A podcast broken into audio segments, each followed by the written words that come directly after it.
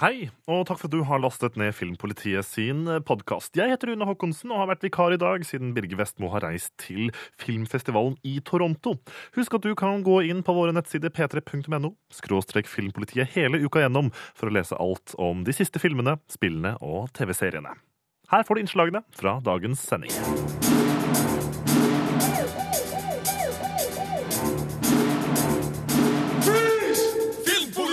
What's your name, scumbag? Eh, eh, Rune Håkonsen, sir. I am Gunnery Sergeant Hartman, your senior drill instructor. From now on, you will speak only when spoken to.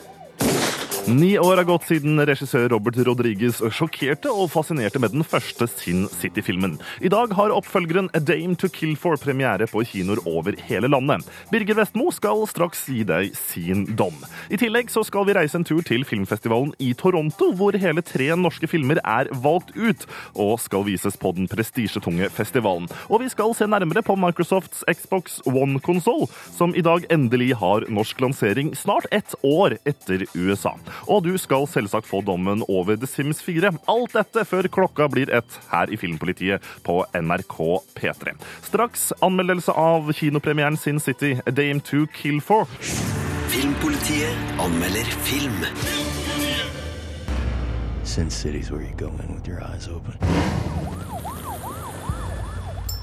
Or you don't come out at all. Sin City tok meg med storm i 2005. Oppfølgeren føles som en stiv kuling.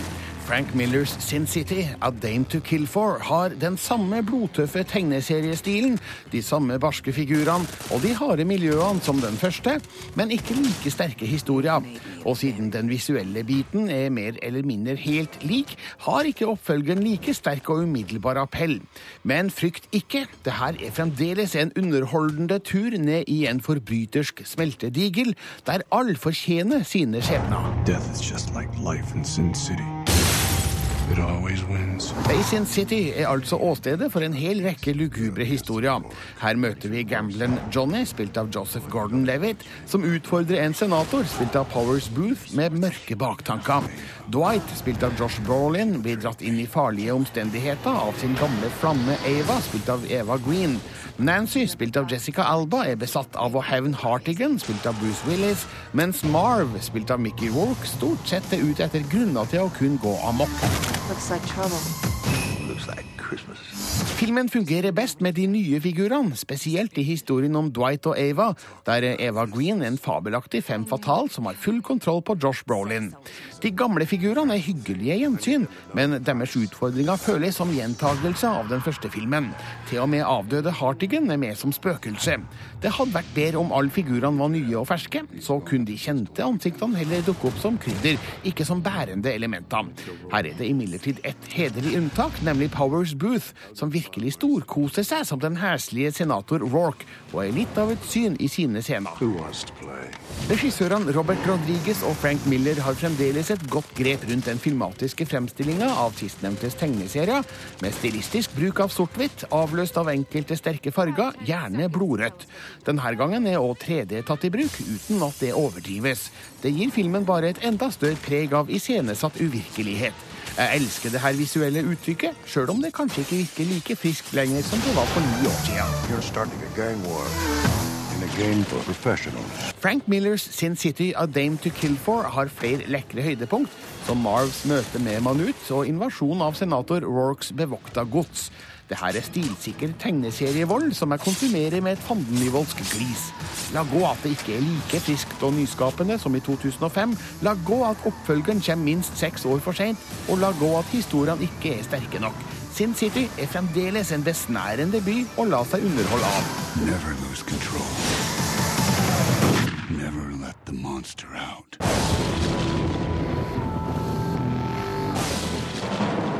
Terningkast fem. Les mer om film, spill og serier på p3.no Filmpolitiet Filmpolitiet. på P3. En av verdens viktigste filmfestivaler har startet i Canada, nemlig Toronto International Film Festival. Her samles stjernene til ti dager med glitter og glamour, men mest av alt film. Birger Vestmo, vår egen filmgeneral, ankom Toronto sent i går kveld norsk tid og har sendt denne rapporten.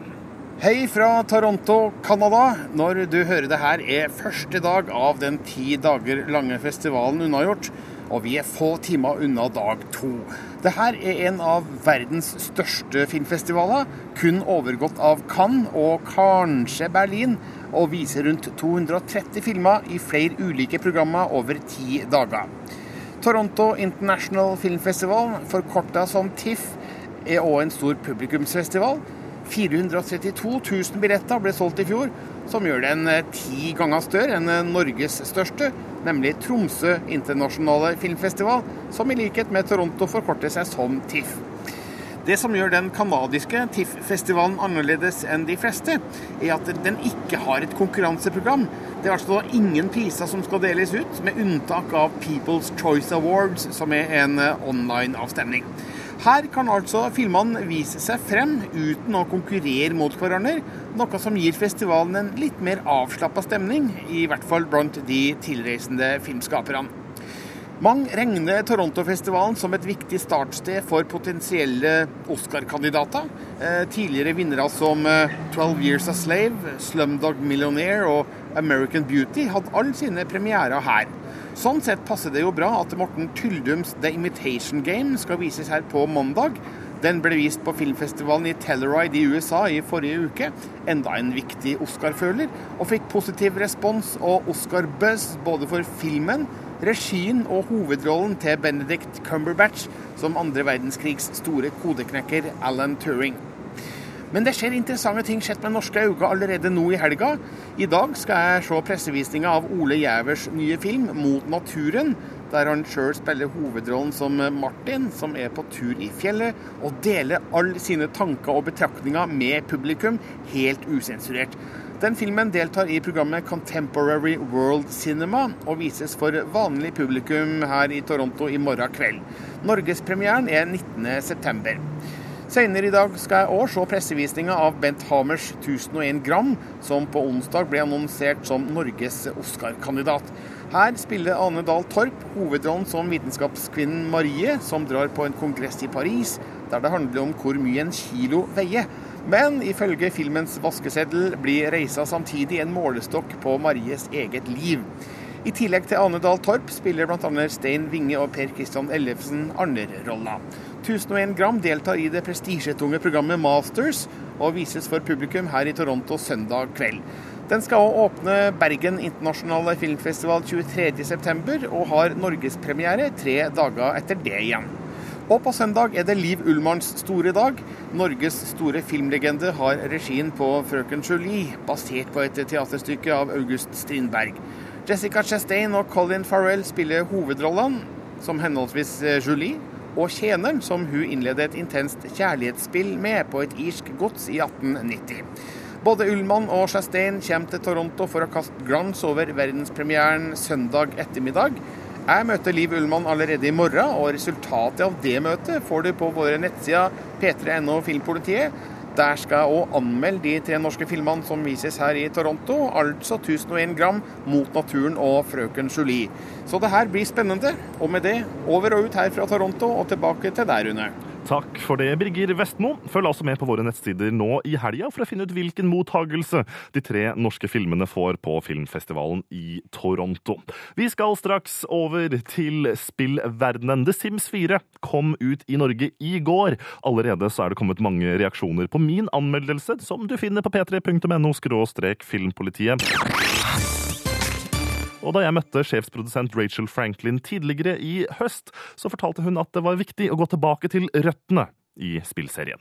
I think the most important thing for us when thinking about how to develop The Sims 4 was to go back to the promise of the original Sims, which is creating and controlling people. And fundamentally, there's a relationship between the player and the Sim that is so important and forms the foundation of why you have fun in the game, is because you actually have a relationship with this Sim. So when we were thinking about how do we make that as solid as possible, we took a look at our tools. And, and, and when you look at creating a sim and being able to go in and touch and sculpt and, and create this masterpiece that's yours, you immediately have a bond with that sim. And that's a super important thing for us. And when you decide what should they be like on the inside? What what kind of traits should they should they be a sad sim? Should they be a, a neat freak sim? Should they love children? Should they not love children? Right? And and you get to decide that, but that has to have meaning, and that has to play out in your game for you to truly feel that those decisions have importance as they play out in the game. So that was very important for us to make that relationship between the player and the sim as strong as possible. Du hørte sjefsprodusenten på The Sims 4, Rachel Franklin, om hva som var viktig for dem da de laget spillet. Men funker det? Straks skal du få min dom over The Sims 4. Filmpolitiet anmelder spill. The Sims-serien har siden lanseringen i år 2000 vært en ubetinget suksess for studio Maxis og utgiveren Electronic Arts. Det tredje spillet kom ut i 2009 og har, med alle sine utvidelsespakker, ligget på de norske bestselgerlistene sammenhengende i flere år. Med The Sims 4 bygger utvikleren videre på suksessoppskriften og har forbedret byggeverktøyet og figurskaperen. Samtidig er The Sims 4 mindre åpent enn tidligere, og flere kjente elementer fra forgjengerne er borte. Hovedmålet i spillet er å skape din egen virtuelle familie. Og med figurskaperverktøyet er det morsommere enn noensinne å lage den simmen du selv vil ha.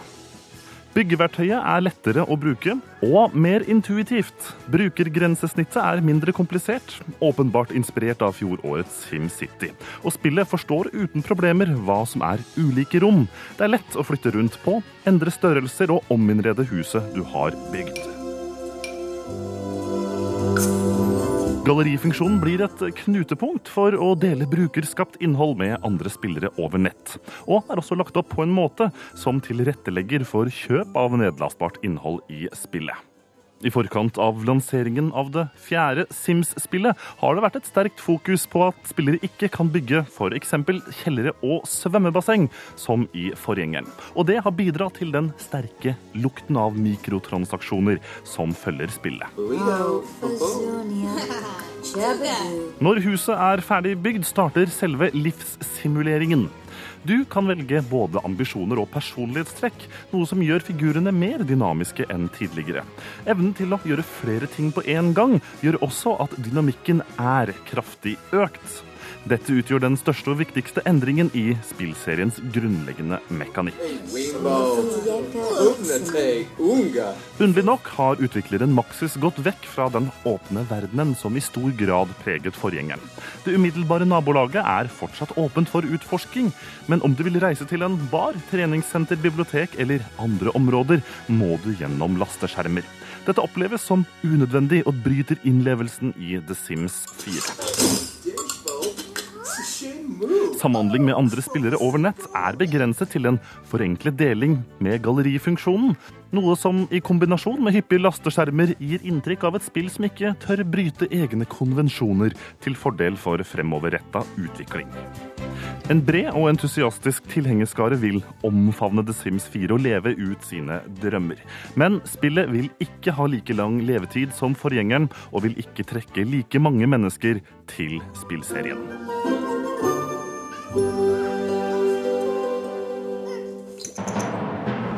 Terningkast fire. Der fikk du min dom over The Sims 4. Og hvis du har spilt spillet, vil jeg veldig gjerne at du går inn på p3.no skråstrek filmpolitiet, klikker deg inn på anmeldelsen og ikke minst da legger inn din mening. Kommentarfeltet er allerede fullt av eh, forskjellige meninger. Eh, Jon Erik Furu skriver følgende holder meg til The Sims 3, trodde dette var en oppgradering, men det lukter griskhet og latskap. Eh, Mens Anne Liane skriver det motsatte. Ah, Simmen min som var både sulten og kjedet seg, tok med seg maten foran TV-en for å spise. Det var fysisk umulig i Sims 3. I tillegg er det fullt av folk på puben han var på i går. I Sims 3 var det alltid tomt. Say no more. The Sims 4 skuffer ikke denne fanen, i alle fall. Hvis du har spilt spillet, eller har lyst til å se klipp fra det, så går du inn på p3.no skråstrek filmpolitiet. P3. Filmpolitiet anmelder film. This house is $8 million. The The house is not worth eight million. And you'll get hit by a bus if the driver does what he's paid to do. And So It Goes er et skamløst kopiforsøk av Oscar-vinneren As Good As It Gets. Sjøl tittelen ligner litt. Og forfatteren av begge filmene er den samme, Mark Andrews. Også her handler det om en sur, gammel gubbe som blir påtvunget ansvar for både et barn og ei bikkje, og sakte forvandles til et elskelig vesen som finner kjærligheten. Filmen har sympatiske hovedroller av Michael Douglas og Diane Keaton, men hele handlinga er så til de grader forutsigbar at hele filmen føles som en venteprosess. It's my son. Wait, who's that? That's my granddaughter. Den aldrende eiendomsmegleren Oren Little, spilt av Michael Douglas, må ta seg av barnebarnet han ikke visste han hadde, når hans eks-narkomane sønn, som han har mista kontakten med, må i fengsel fengsel. Oren vegrer seg, og naboen Lea, spilt av Diane Keaton, trår til. Hun er òg en lounge-sanger som Oren hjelper litt på vei med karrieren, og så kan du nesten regne ut resten sjøl. Well, when you put it that way, uh, Det her er en film som flagger sitt mål fra første stund. Publikum vet nøyaktig hva som kan forventes, og skuffes ikke. Filmen er i hvert fall ærlig på det punktet. Michael Douglas skal sjølsagt finne tonen med Diane Keaton, men ikke før etter flere små utfordringer. Den store forløsninga skjer til og med i en ren og pen fødselsscene. Men det lukter romcom-oppskrift lang lei, og det blir ikke særlig spennende film av at sjekkpunktene krysses av i tur og orden. I messed up. I need a woman's perspective, and you're the closest thing to it. Regissør Rob Reiner, som også spiller en liten rolle i denne filmen, er mest kjent for sine 80-tallsfilmer This Is Spinal Tap, Stand By Me, Prinsessebruden og Da han møtte henne. Han kan fremdeles skru sammen en helt grei film, men viljen til å gå utafor de trygge rammene er der ikke lenger. Nå nøyer han seg med å fortelle ufarlige historier om eldre mennesker, vist også i hans forrige filmer Nå eller aldri og En ny vår. Det er fint at noen lager film om og med mennesker i øvre alderssjikt, men jeg skulle ønske at nerven og den bitende dialogen fra før nevnte As Good As It Gets var med videre. Take that box, put it on that box, it's on that box.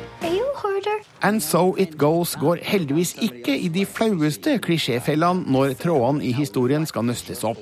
Det er kun endt så mye vær. Men publikum strykes medhårs hele veien, og jeg får en kunstig og konstruert lykkefølelse som går raskt over når jeg innser hvor overfladisk alt er. Filmen er slett ikke krisedårlig, bare flyktig og middelmådig underholdning. Som kanskje passer bedre på TV enn på kino. What are you doing? Having my baby. Oh, you can't do that. it's not up to me. See, this is what happens when you have sex. I can make anybody cry, huh? Terningkast Husk at du kan gå inn på p3.no for å se videoklipp av alle filmene som blir anmeldt i dagens sending. Der kan du også gå inn for å si din mening. Vi vil veldig gjerne høre om du er uenig eller enig i våre anmeldelser. Nå har Marte Hedenstad kommet til studio for å gi oss siste nytt fra film, spill og TV-verden. Filmpolitiet. Den etterlengta oppfølgeren til spillet som er alle tenåringskåte gutter og kanskje jenters drøm. Bajonetta har endelig fått lanseringsdato. I dag så slapp Nintendo en halvtimes lang video som tar for seg de nye aspektene ved Bajonetta 2. Som da kommer eksklusivt til Wii U, ikke sant? Ekklus eksklusivt til Wii U, og det kommer altså da i Nord-Amerika, Europa og ja, inkludert Norge, da, 24. oktober. Det var litt raskere enn jeg regna med, egentlig. Det var litt raskere enn jeg regna med, for du og jeg, Rune, vi var jo litt usikre på om i det hele tatt kom før jul. Men det gjør det altså. Og Nintendo Wii uh, U-konsollen har jo slitt litt med salgstallene. Tror du at dette blir noe som sparker i gang de, de tenåringene til, til å kjøpe konsollen? Ja, både tenåringer, tenåringer og også voksne tror jeg kommer kanskje til å ha lyst på Bajonetta 2. Så eh, det kan hende at det her er et pluss for eh, Wii U, altså. Vi må si at Hovedfiguren i Bajonetta 2 er en stramt kledd kontordame som virkelig kan sparke fra seg. Ja. Neste nyhet. Morten Tyldum skal regissere ny storfilm. Den norske regissøren, som bl.a. har laga 'Hodejegerne', har en ny storfilm på planen. Han er jo i filmfestivalen i Toronto nå. Eh, for å fronte sin første internasjonale film, The Imitation Game. Med Benedict Cumberbatch i hovedrollen. ikke sant? Riktig, som spiller Alan eh, Turning, eh, som knakk den enigmakoden under andre verdenskrig. Alan Turing tror jeg han heter for øvrig. Alan. Turing, Turing, Turing. Riktig, riktig. Men det som er poenget er at samtidig så har de sluppet nyheten om at Tyldum skal regissere filmen som er basert på cyberpunk-forfatteren William Gibsons oh. Pattern Recognition. Altså, han som skrev Neuromancer. Han som skrev Neuromancer, og som rett og slett fant opp begrepet cyberspace. Så det er jo veldig, veldig kult at eh, blir- Tyldum skal regissere den. Det blir litt av en vending i tematikk.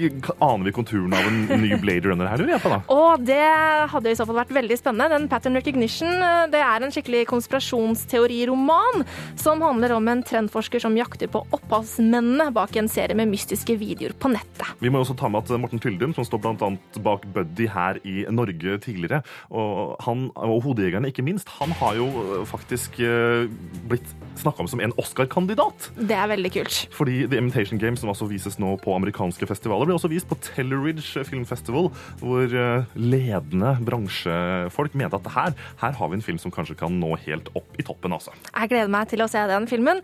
Men nå skal vi over til neste nyhet, og den handler om han fyren her. Hold on. Hold on. Hold on. Hold on. Hold on. Hold giant. Hold on. Åh, den trivelige lyden her den blir ikke å høre i neste sesong av Game Hæ? of Thrones. Ja, For Bran Stark og hans store følgesvenn Hodor de tar nemlig en pause Nei, men, men, men, fra er- serien. er- Litt spoiler-alert her nå, eller? Altså, det er mange som kanskje syns det er spoiler, men det er virkelig ikke spoiler, altså, folkens. Fordi det som er greia, er at uh, i et intervju med den australske nettavisa ABC, så har Christian Nairn, som spiller Hodor, sagt at uh, rett og slett de skal ta en pause fra serien av at uh, handlingen om Bran og Hodor ikke kommer før mot slutten av bøkene, og derfor kommer ikke det før i sjette sesong. Og så må jeg også legge til at en av det han skal gjøre i mellomtida, er å reise rundt med DJ-konseptet Rave of Thrones. Skal vi dra på fest, Å, eller, jeg har så lyst til å feste med Hodor! Filmpolitiet anmelder film. Excusez-moi de vous demander ça, mais pour moi c'est important de le voir parce qu'il peut m'aider à pas perdre mon travail, à pas aller au chômage. Brødrene Jean-Pierre og Luc Dardenne har skapt et nydelig stykke belgisk sosialrealisme som går rett inn i et aktuelt tema over hele Europa, nemlig dårlig økonomi og usikre arbeidsplasser. Vi føres gjennom en sober fortelling med glitrende spill av Marion Cotillard. Hun beveger publikum med figurens kampvilje, som til enhver tid trues av motløshet og depresjon. T'as dit à certains que c'était mieux que je sois licenciée parce que sinon ce serait eux. Sandra, spilt av Marion Cotillard, er blitt oppsagt.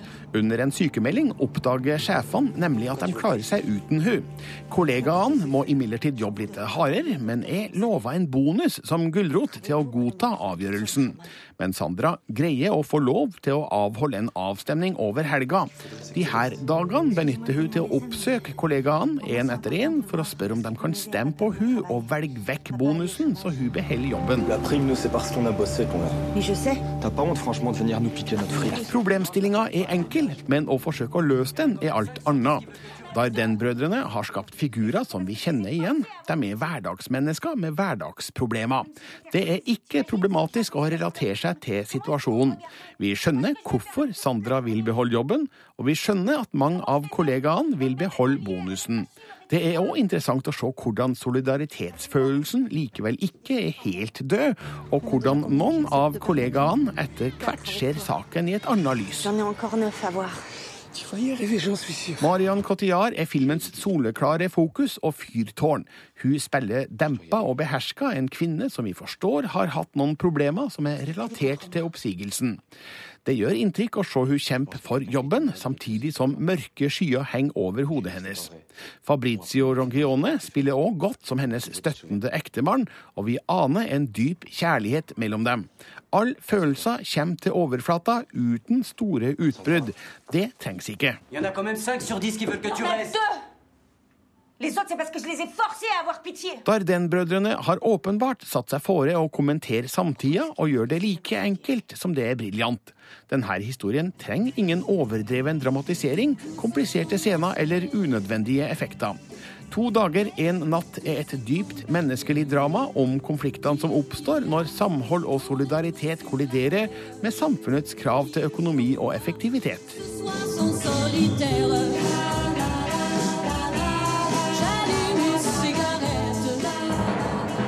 Terningkast fem. P3. Filmpolitiet anmelder film. Björn visste man ju aldrig liksom vad man hade. Man fikk aldri tag på honom riktigt. Han var elsket av sitt publikum og en av Skandinavias mestselgende artister. Helt fra debuten med Hula Bandula Band i 1971 preget Bjørn Afselius musikklivet i Sverige og etter hvert Norge og Danmark. Første gangen jeg møtte Bjørn, så var det som om jeg møtte en bror. I løpet av sin karriere ga han ut flere titalls album. Han var et sammensatt menneske. Han arbeidet for frihet i sentralamerikanske land, samtidig som musikken tok ham på lange turneer vekk fra de to døtrene. I dokumentarfilmen 'Tusen bitar' tegner regissørene og manusforfatterne Magnus Gerten og Stefan Berg et varmt bilde av den folkekjære artisten. Også etter scenelyset er skrudd av.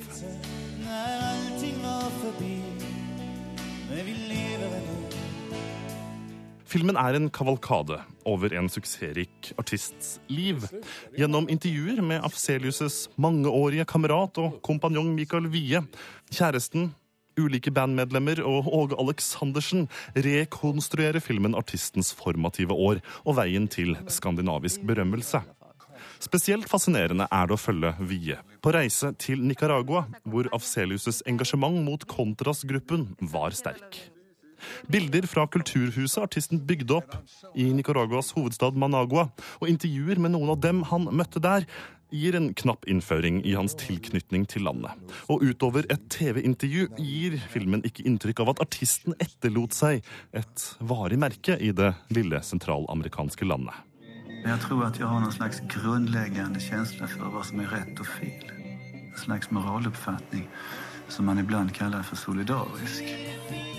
De mange scenebyttene, klippingen mellom fortid og nåtid og Vies reise til Nicaragua fører mange ulike tidslinjer over hverandre. Retningen til dokumentaren om Bjørn Afselius er tidvis uklar, og flere av fortellingene forblir uten en forløsende konklusjon. Tydeligst er Tusen biter når den forteller om familien, barna og kjærestene til Bjørn Afselius.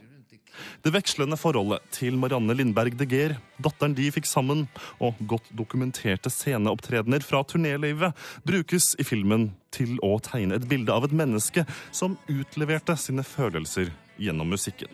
Spesielt tekstene er i etterkant klare referanser til egen oppvekst og det problemfylte forholdet til moren og faren.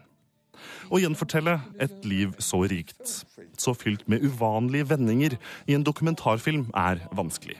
Tusen biter når ikke helt i mål med å fortelle hele historien om Bjørn Afselius. Men regissørene Gerten og Berg har behandlet materialet, inkludert hjemmefilmer og selve musikken, med den ytterste respekt. Mamma, gå ikke inn i döden Du kan vel stanna her lite til. Terningkast fire. Gå inn på p3.no for å si din mening og for å se klipp fra filmen. God fredag, du hører på Filmpolitiet, og akkurat nå så skal det handle om Xbox One. Med meg i studio nå, Marte Hedenstad. Eh, Det har jo endelig skjedd, da. Datoen har endelig kommet. Xbox One er lansert i Ja. Norge, men det har jo skjedd ganske seint. Hvorfor det? Det har eh, skjedd utrolig seint, eh, og det kan man jo spørre om eh, hvorfor. Det er ting som, som man gjerne skulle ha tilgjengelig her i Europa, som har tatt lengre tid. Ja, Blant for- annet TV-funksjonen på Xbox One. Ja, for Xbox One, altså konsollen, ble lansert i USA, England, Tyskland og en rekke Mm. andre nøkkelmarkeder i, Ja. i fjor høst. Og, og en av begrunnelsene var at de gjerne ville passe på at de hadde nok konsoller. Men Ja.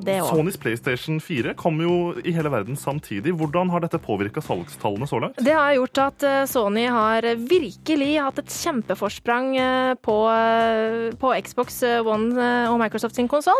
Sony har til nå solgt 10 millioner enheter globalt. Det annonserte de under Gamescom i sommer. Mens Microsoft har solgt 5 millioner av Xbox One. Oi. Ja, men nå skal det jo sies at pga. at hvordan eh, Microsoft sin konsoll ikke har kommet ut overalt og sånne type ting, og at uh, PlayStation 4 også kom litt grann før uh, mm. Xbox One, så ligger de jo litt grann foran pga. det. Men hvis vi ser på forrige kvartal, hvor begge konsollene har vært på de største delene av markedet i verden, så har likevel PlayStation 4 solgt tre ganger så mange enheter som Xbox One. En av de viktigste funksjonene er jo media, mediefunksjonaliteten. At man kan bruke den til å se på TV Mm. og alt mulig sånt. Eh, Men også selvfølgelig Kinect-sensoren har jo vært et viktig salgspunkt for Microsoft de siste årene. Mm. Stemmestyring har jo vært en mulighet her også. Kan man styre Xbox One på norsk? Det kan man ikke. Det er fullt eh, mulig å styre på engelsk, men ikke norsk enda. Eh, Rent personlig syns jeg ikke det er så farlig, men, men vet du- kanskje hvis man er yngre, hvis man eksempel er barn og sånne type ting, så er det jo litt uh, synd. Og så er det jo på en måte litt rart Ja. da, at de har utsatt såpass lenge for å få visse funksjoner tilgjengelig her i Norge, og så er det likevel ikke mulig å styre Kinecten på norsk. Jeg har jo hatt en Xbox One en god stund allerede. Må innrømme at jeg bruker stemmestyringa ganske mye. Veldig deilig hvis jeg ligger på sofaen, ser på Netflix og kan bare drive og snakke til TV-en. Men Ja. for meg så er jo engelsk selvsagt et uh, helt greit språk å bruke. Eh, Spillmessig så er det også en ganske sterk portefølje nå som kommer med, med Xbox One. Men andre apper som er verdt å merke seg da? Jo, det er jo sånn at her i Norge så får man jo faktisk eh, eller I løpet av en uke loves det at man skal få tilgang til TV2 Sumo.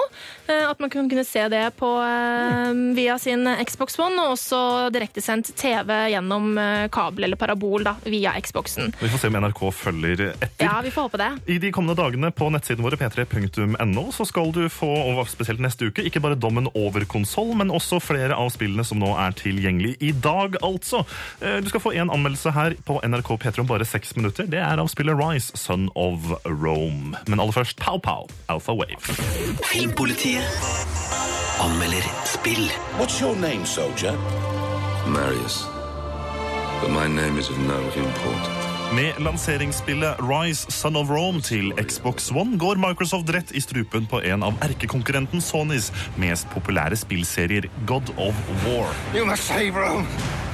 Pen grafikk og storslagne omgivelser viser styrkene til Xbox One-konsollen. Spesielt ansiktsanimasjonene og menneskekroppene har et detaljnivå som ikke har vært mulig på eldre konsoller. Men modellene er gjenbrukt ofte, og fiendene ser svært like ut. Repetisjonen dette fører til, gjør at den blendende vakre første halvtimen raskt mister sin verdi. Et repetitivt kampsystem og en kort historie bidrar til at spillet blir en forglemmelig affære. Til å begynne med er det spektakulært og enkelt å svinge sverdet omkring, hoppe fra fiende til fiende og kutte dem ned for fote. Kraftige, knappestyrte angrep og kampavslutninger er lett tilgjengelige og gjør at spillet ikke gir dynamiske kamputfordringer. De knappestyrte angrepene utføres ved å trykke den samme rekkefølgen knapper hver gang og forsterke følelsen av repetisjon. Spillet er skapt med Kinect-sensoren i tankene, og det er mulig å rope kommandoer til soldatene dine i kampens hete. Stemmekommandoene fungerer godt i spillet og er svært responsive. En kraftig forbedring fra Xbox 360-konsoll. Rome will not fall. Not today. We must keep their army out at all costs! Today we fight. Fortellingen er satt i en alternativ utgave av antikkens Roma, med soldaten Marius i hovedrollen. En plutselig barbarinvasjon endrer alt, og i jakten på hevn blir han snart en av Romerrikets beste krigere. Hevnmotivet dominerer fortellingen i en så utstrakt grad at selv Kratos fra God of War-spillene fremstår som en dyp poet. I will never let that happen. Konkurranse- og samarbeidsspilling er tilgjengelig over nett, men kunne tilført spillet mer verdi, underholdning og levetid. Her får vi nemlig se hvordan mikrotransaksjoner, som har preget deler av spillbransjen de siste åra, dessverre kan ødelegge en spillopplevelse. Gjennom å samle erfaringspoeng kan du øke din figurs styrke og få nye egenskaper, men for å få nytt utstyr må du bruke gull på overraskelsespakker som kanskje inneholder det du ønsker. Om du ikke vil bruke tid på å samle gull, for det kan ta lang tid, kan du kjøpe mer for virkelige penger gjennom spillets innebygde nettbutikk. Med den teknologien som er tilgjengelig på Xbox One-konsollen, er det et hav av spennende muligheter for neste generasjons spill. Rise Son of Rome bruker dem dårlig, og er i bunn og grunn et vakkert, men uinspirert spill. Fight for your father. Fight for your legion. Fight for Rome. Terningkast tre. Gå inn på p3.no skråstrek filmpolitiet for å se klipp fra spillet og for å si din mening om Xbox One og alle spillene som er blitt tilgjengelig i Norge i dag. I løpet av helga og den kommende uka så kan du også følge med på ferske spillanmeldelser og mer om Xbox One. p3.no skråstrek filmpolitiet, altså. Filmpolitiet anmelder film. Two yards, the charge. Don't blow your balls off. Don't worry, they're made of brass. Are they as big as your wives? Hard action, det kan jeg like. Arnold Schwarzenegger har òg en høy stjerne i boka mi. Men sabotasje er for det meste bare stygg. Filmen er ikke noe gøy, bare utmattende og umenneskeliggjørende. Det bøttes på med blodige kuletreff og grotesk tortur, uten å kompensere med avvæpnende humor og varme. Jeg forstår hvordan det på papiret kunne se ut som en god match å koble en aldrende Schwarzenegger med regissør David Ayer, som imponerte med sin forrige film End of Watch. Han fører mye av det samme formspråket i Sabotage, men den mangler den intense spenninga som den forrige hadde. In cartel money. John Breacher Wharton, spilt av Arnold Schwarzenegger, leder en gruppe tøffe og uortodokse politifolk som bekjemper narkobanda i California.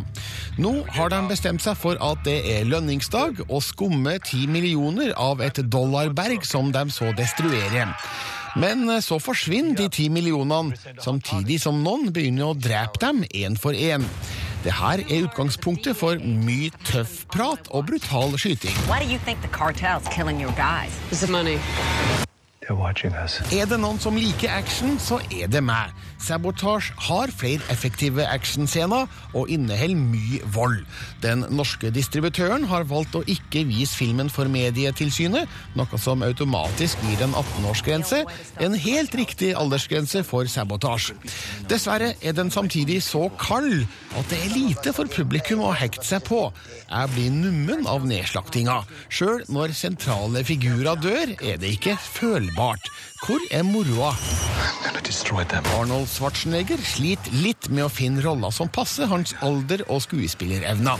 Rollen som John i denne filmen er kanskje en passende match, men det fins scener her som hadde blitt mye bedre med en sterkere actionskuespiller i samme alderssegment, f.eks. Mel Gibson.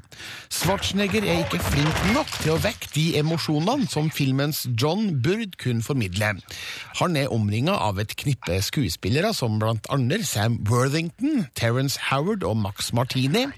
Noen av dem spiller i overkant tøft, slik at det nesten blir parodisk av og til.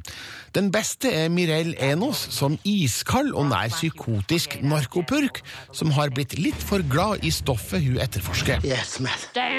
Det fins ting jeg liker i sabotasje, men jeg føler at jeg er litt mindre menneske etter å ha sett filmen. Det er ikke en spesiell god følelse å ta med seg. Jeg skulle ønske at regissør David Ayer hadde inkludert litt varme mellom alt det vonde. Sjøl vitsene i Sabotage er mollstemte. Derfor ender filmen opp med å være litt for mye vold og altfor lite gøy. Terningkast tre. Tøff action, men filmen var kanskje ikke like bra i alle ledd. Det var dommen fra Birger Vestmo over Sabotage, som nå er ute på Blu-ray og DVD. Husk at hvis du har sett filmen og er uenig i hva vi her i Filmpolitiet mener, så kan du alltid gå inn på p3.no og si din mening i kommentarfeltet. Denne uka så kan du gjøre det på den nye Sin City-filmen And So It Goes, 1000 biter, og ikke minst to dager, én natt. Og ja, ikke sant? Sabotage også. Jeg har anmeldt spillene The Sims 4 og Rise on a Rome, og vil veldig gjerne høre fra deg. Siste låt eh, ut før Kristine tar over her på P3 er Becky G. Du får Shower. Hør flere podkaster på nrk.no podkast. P3.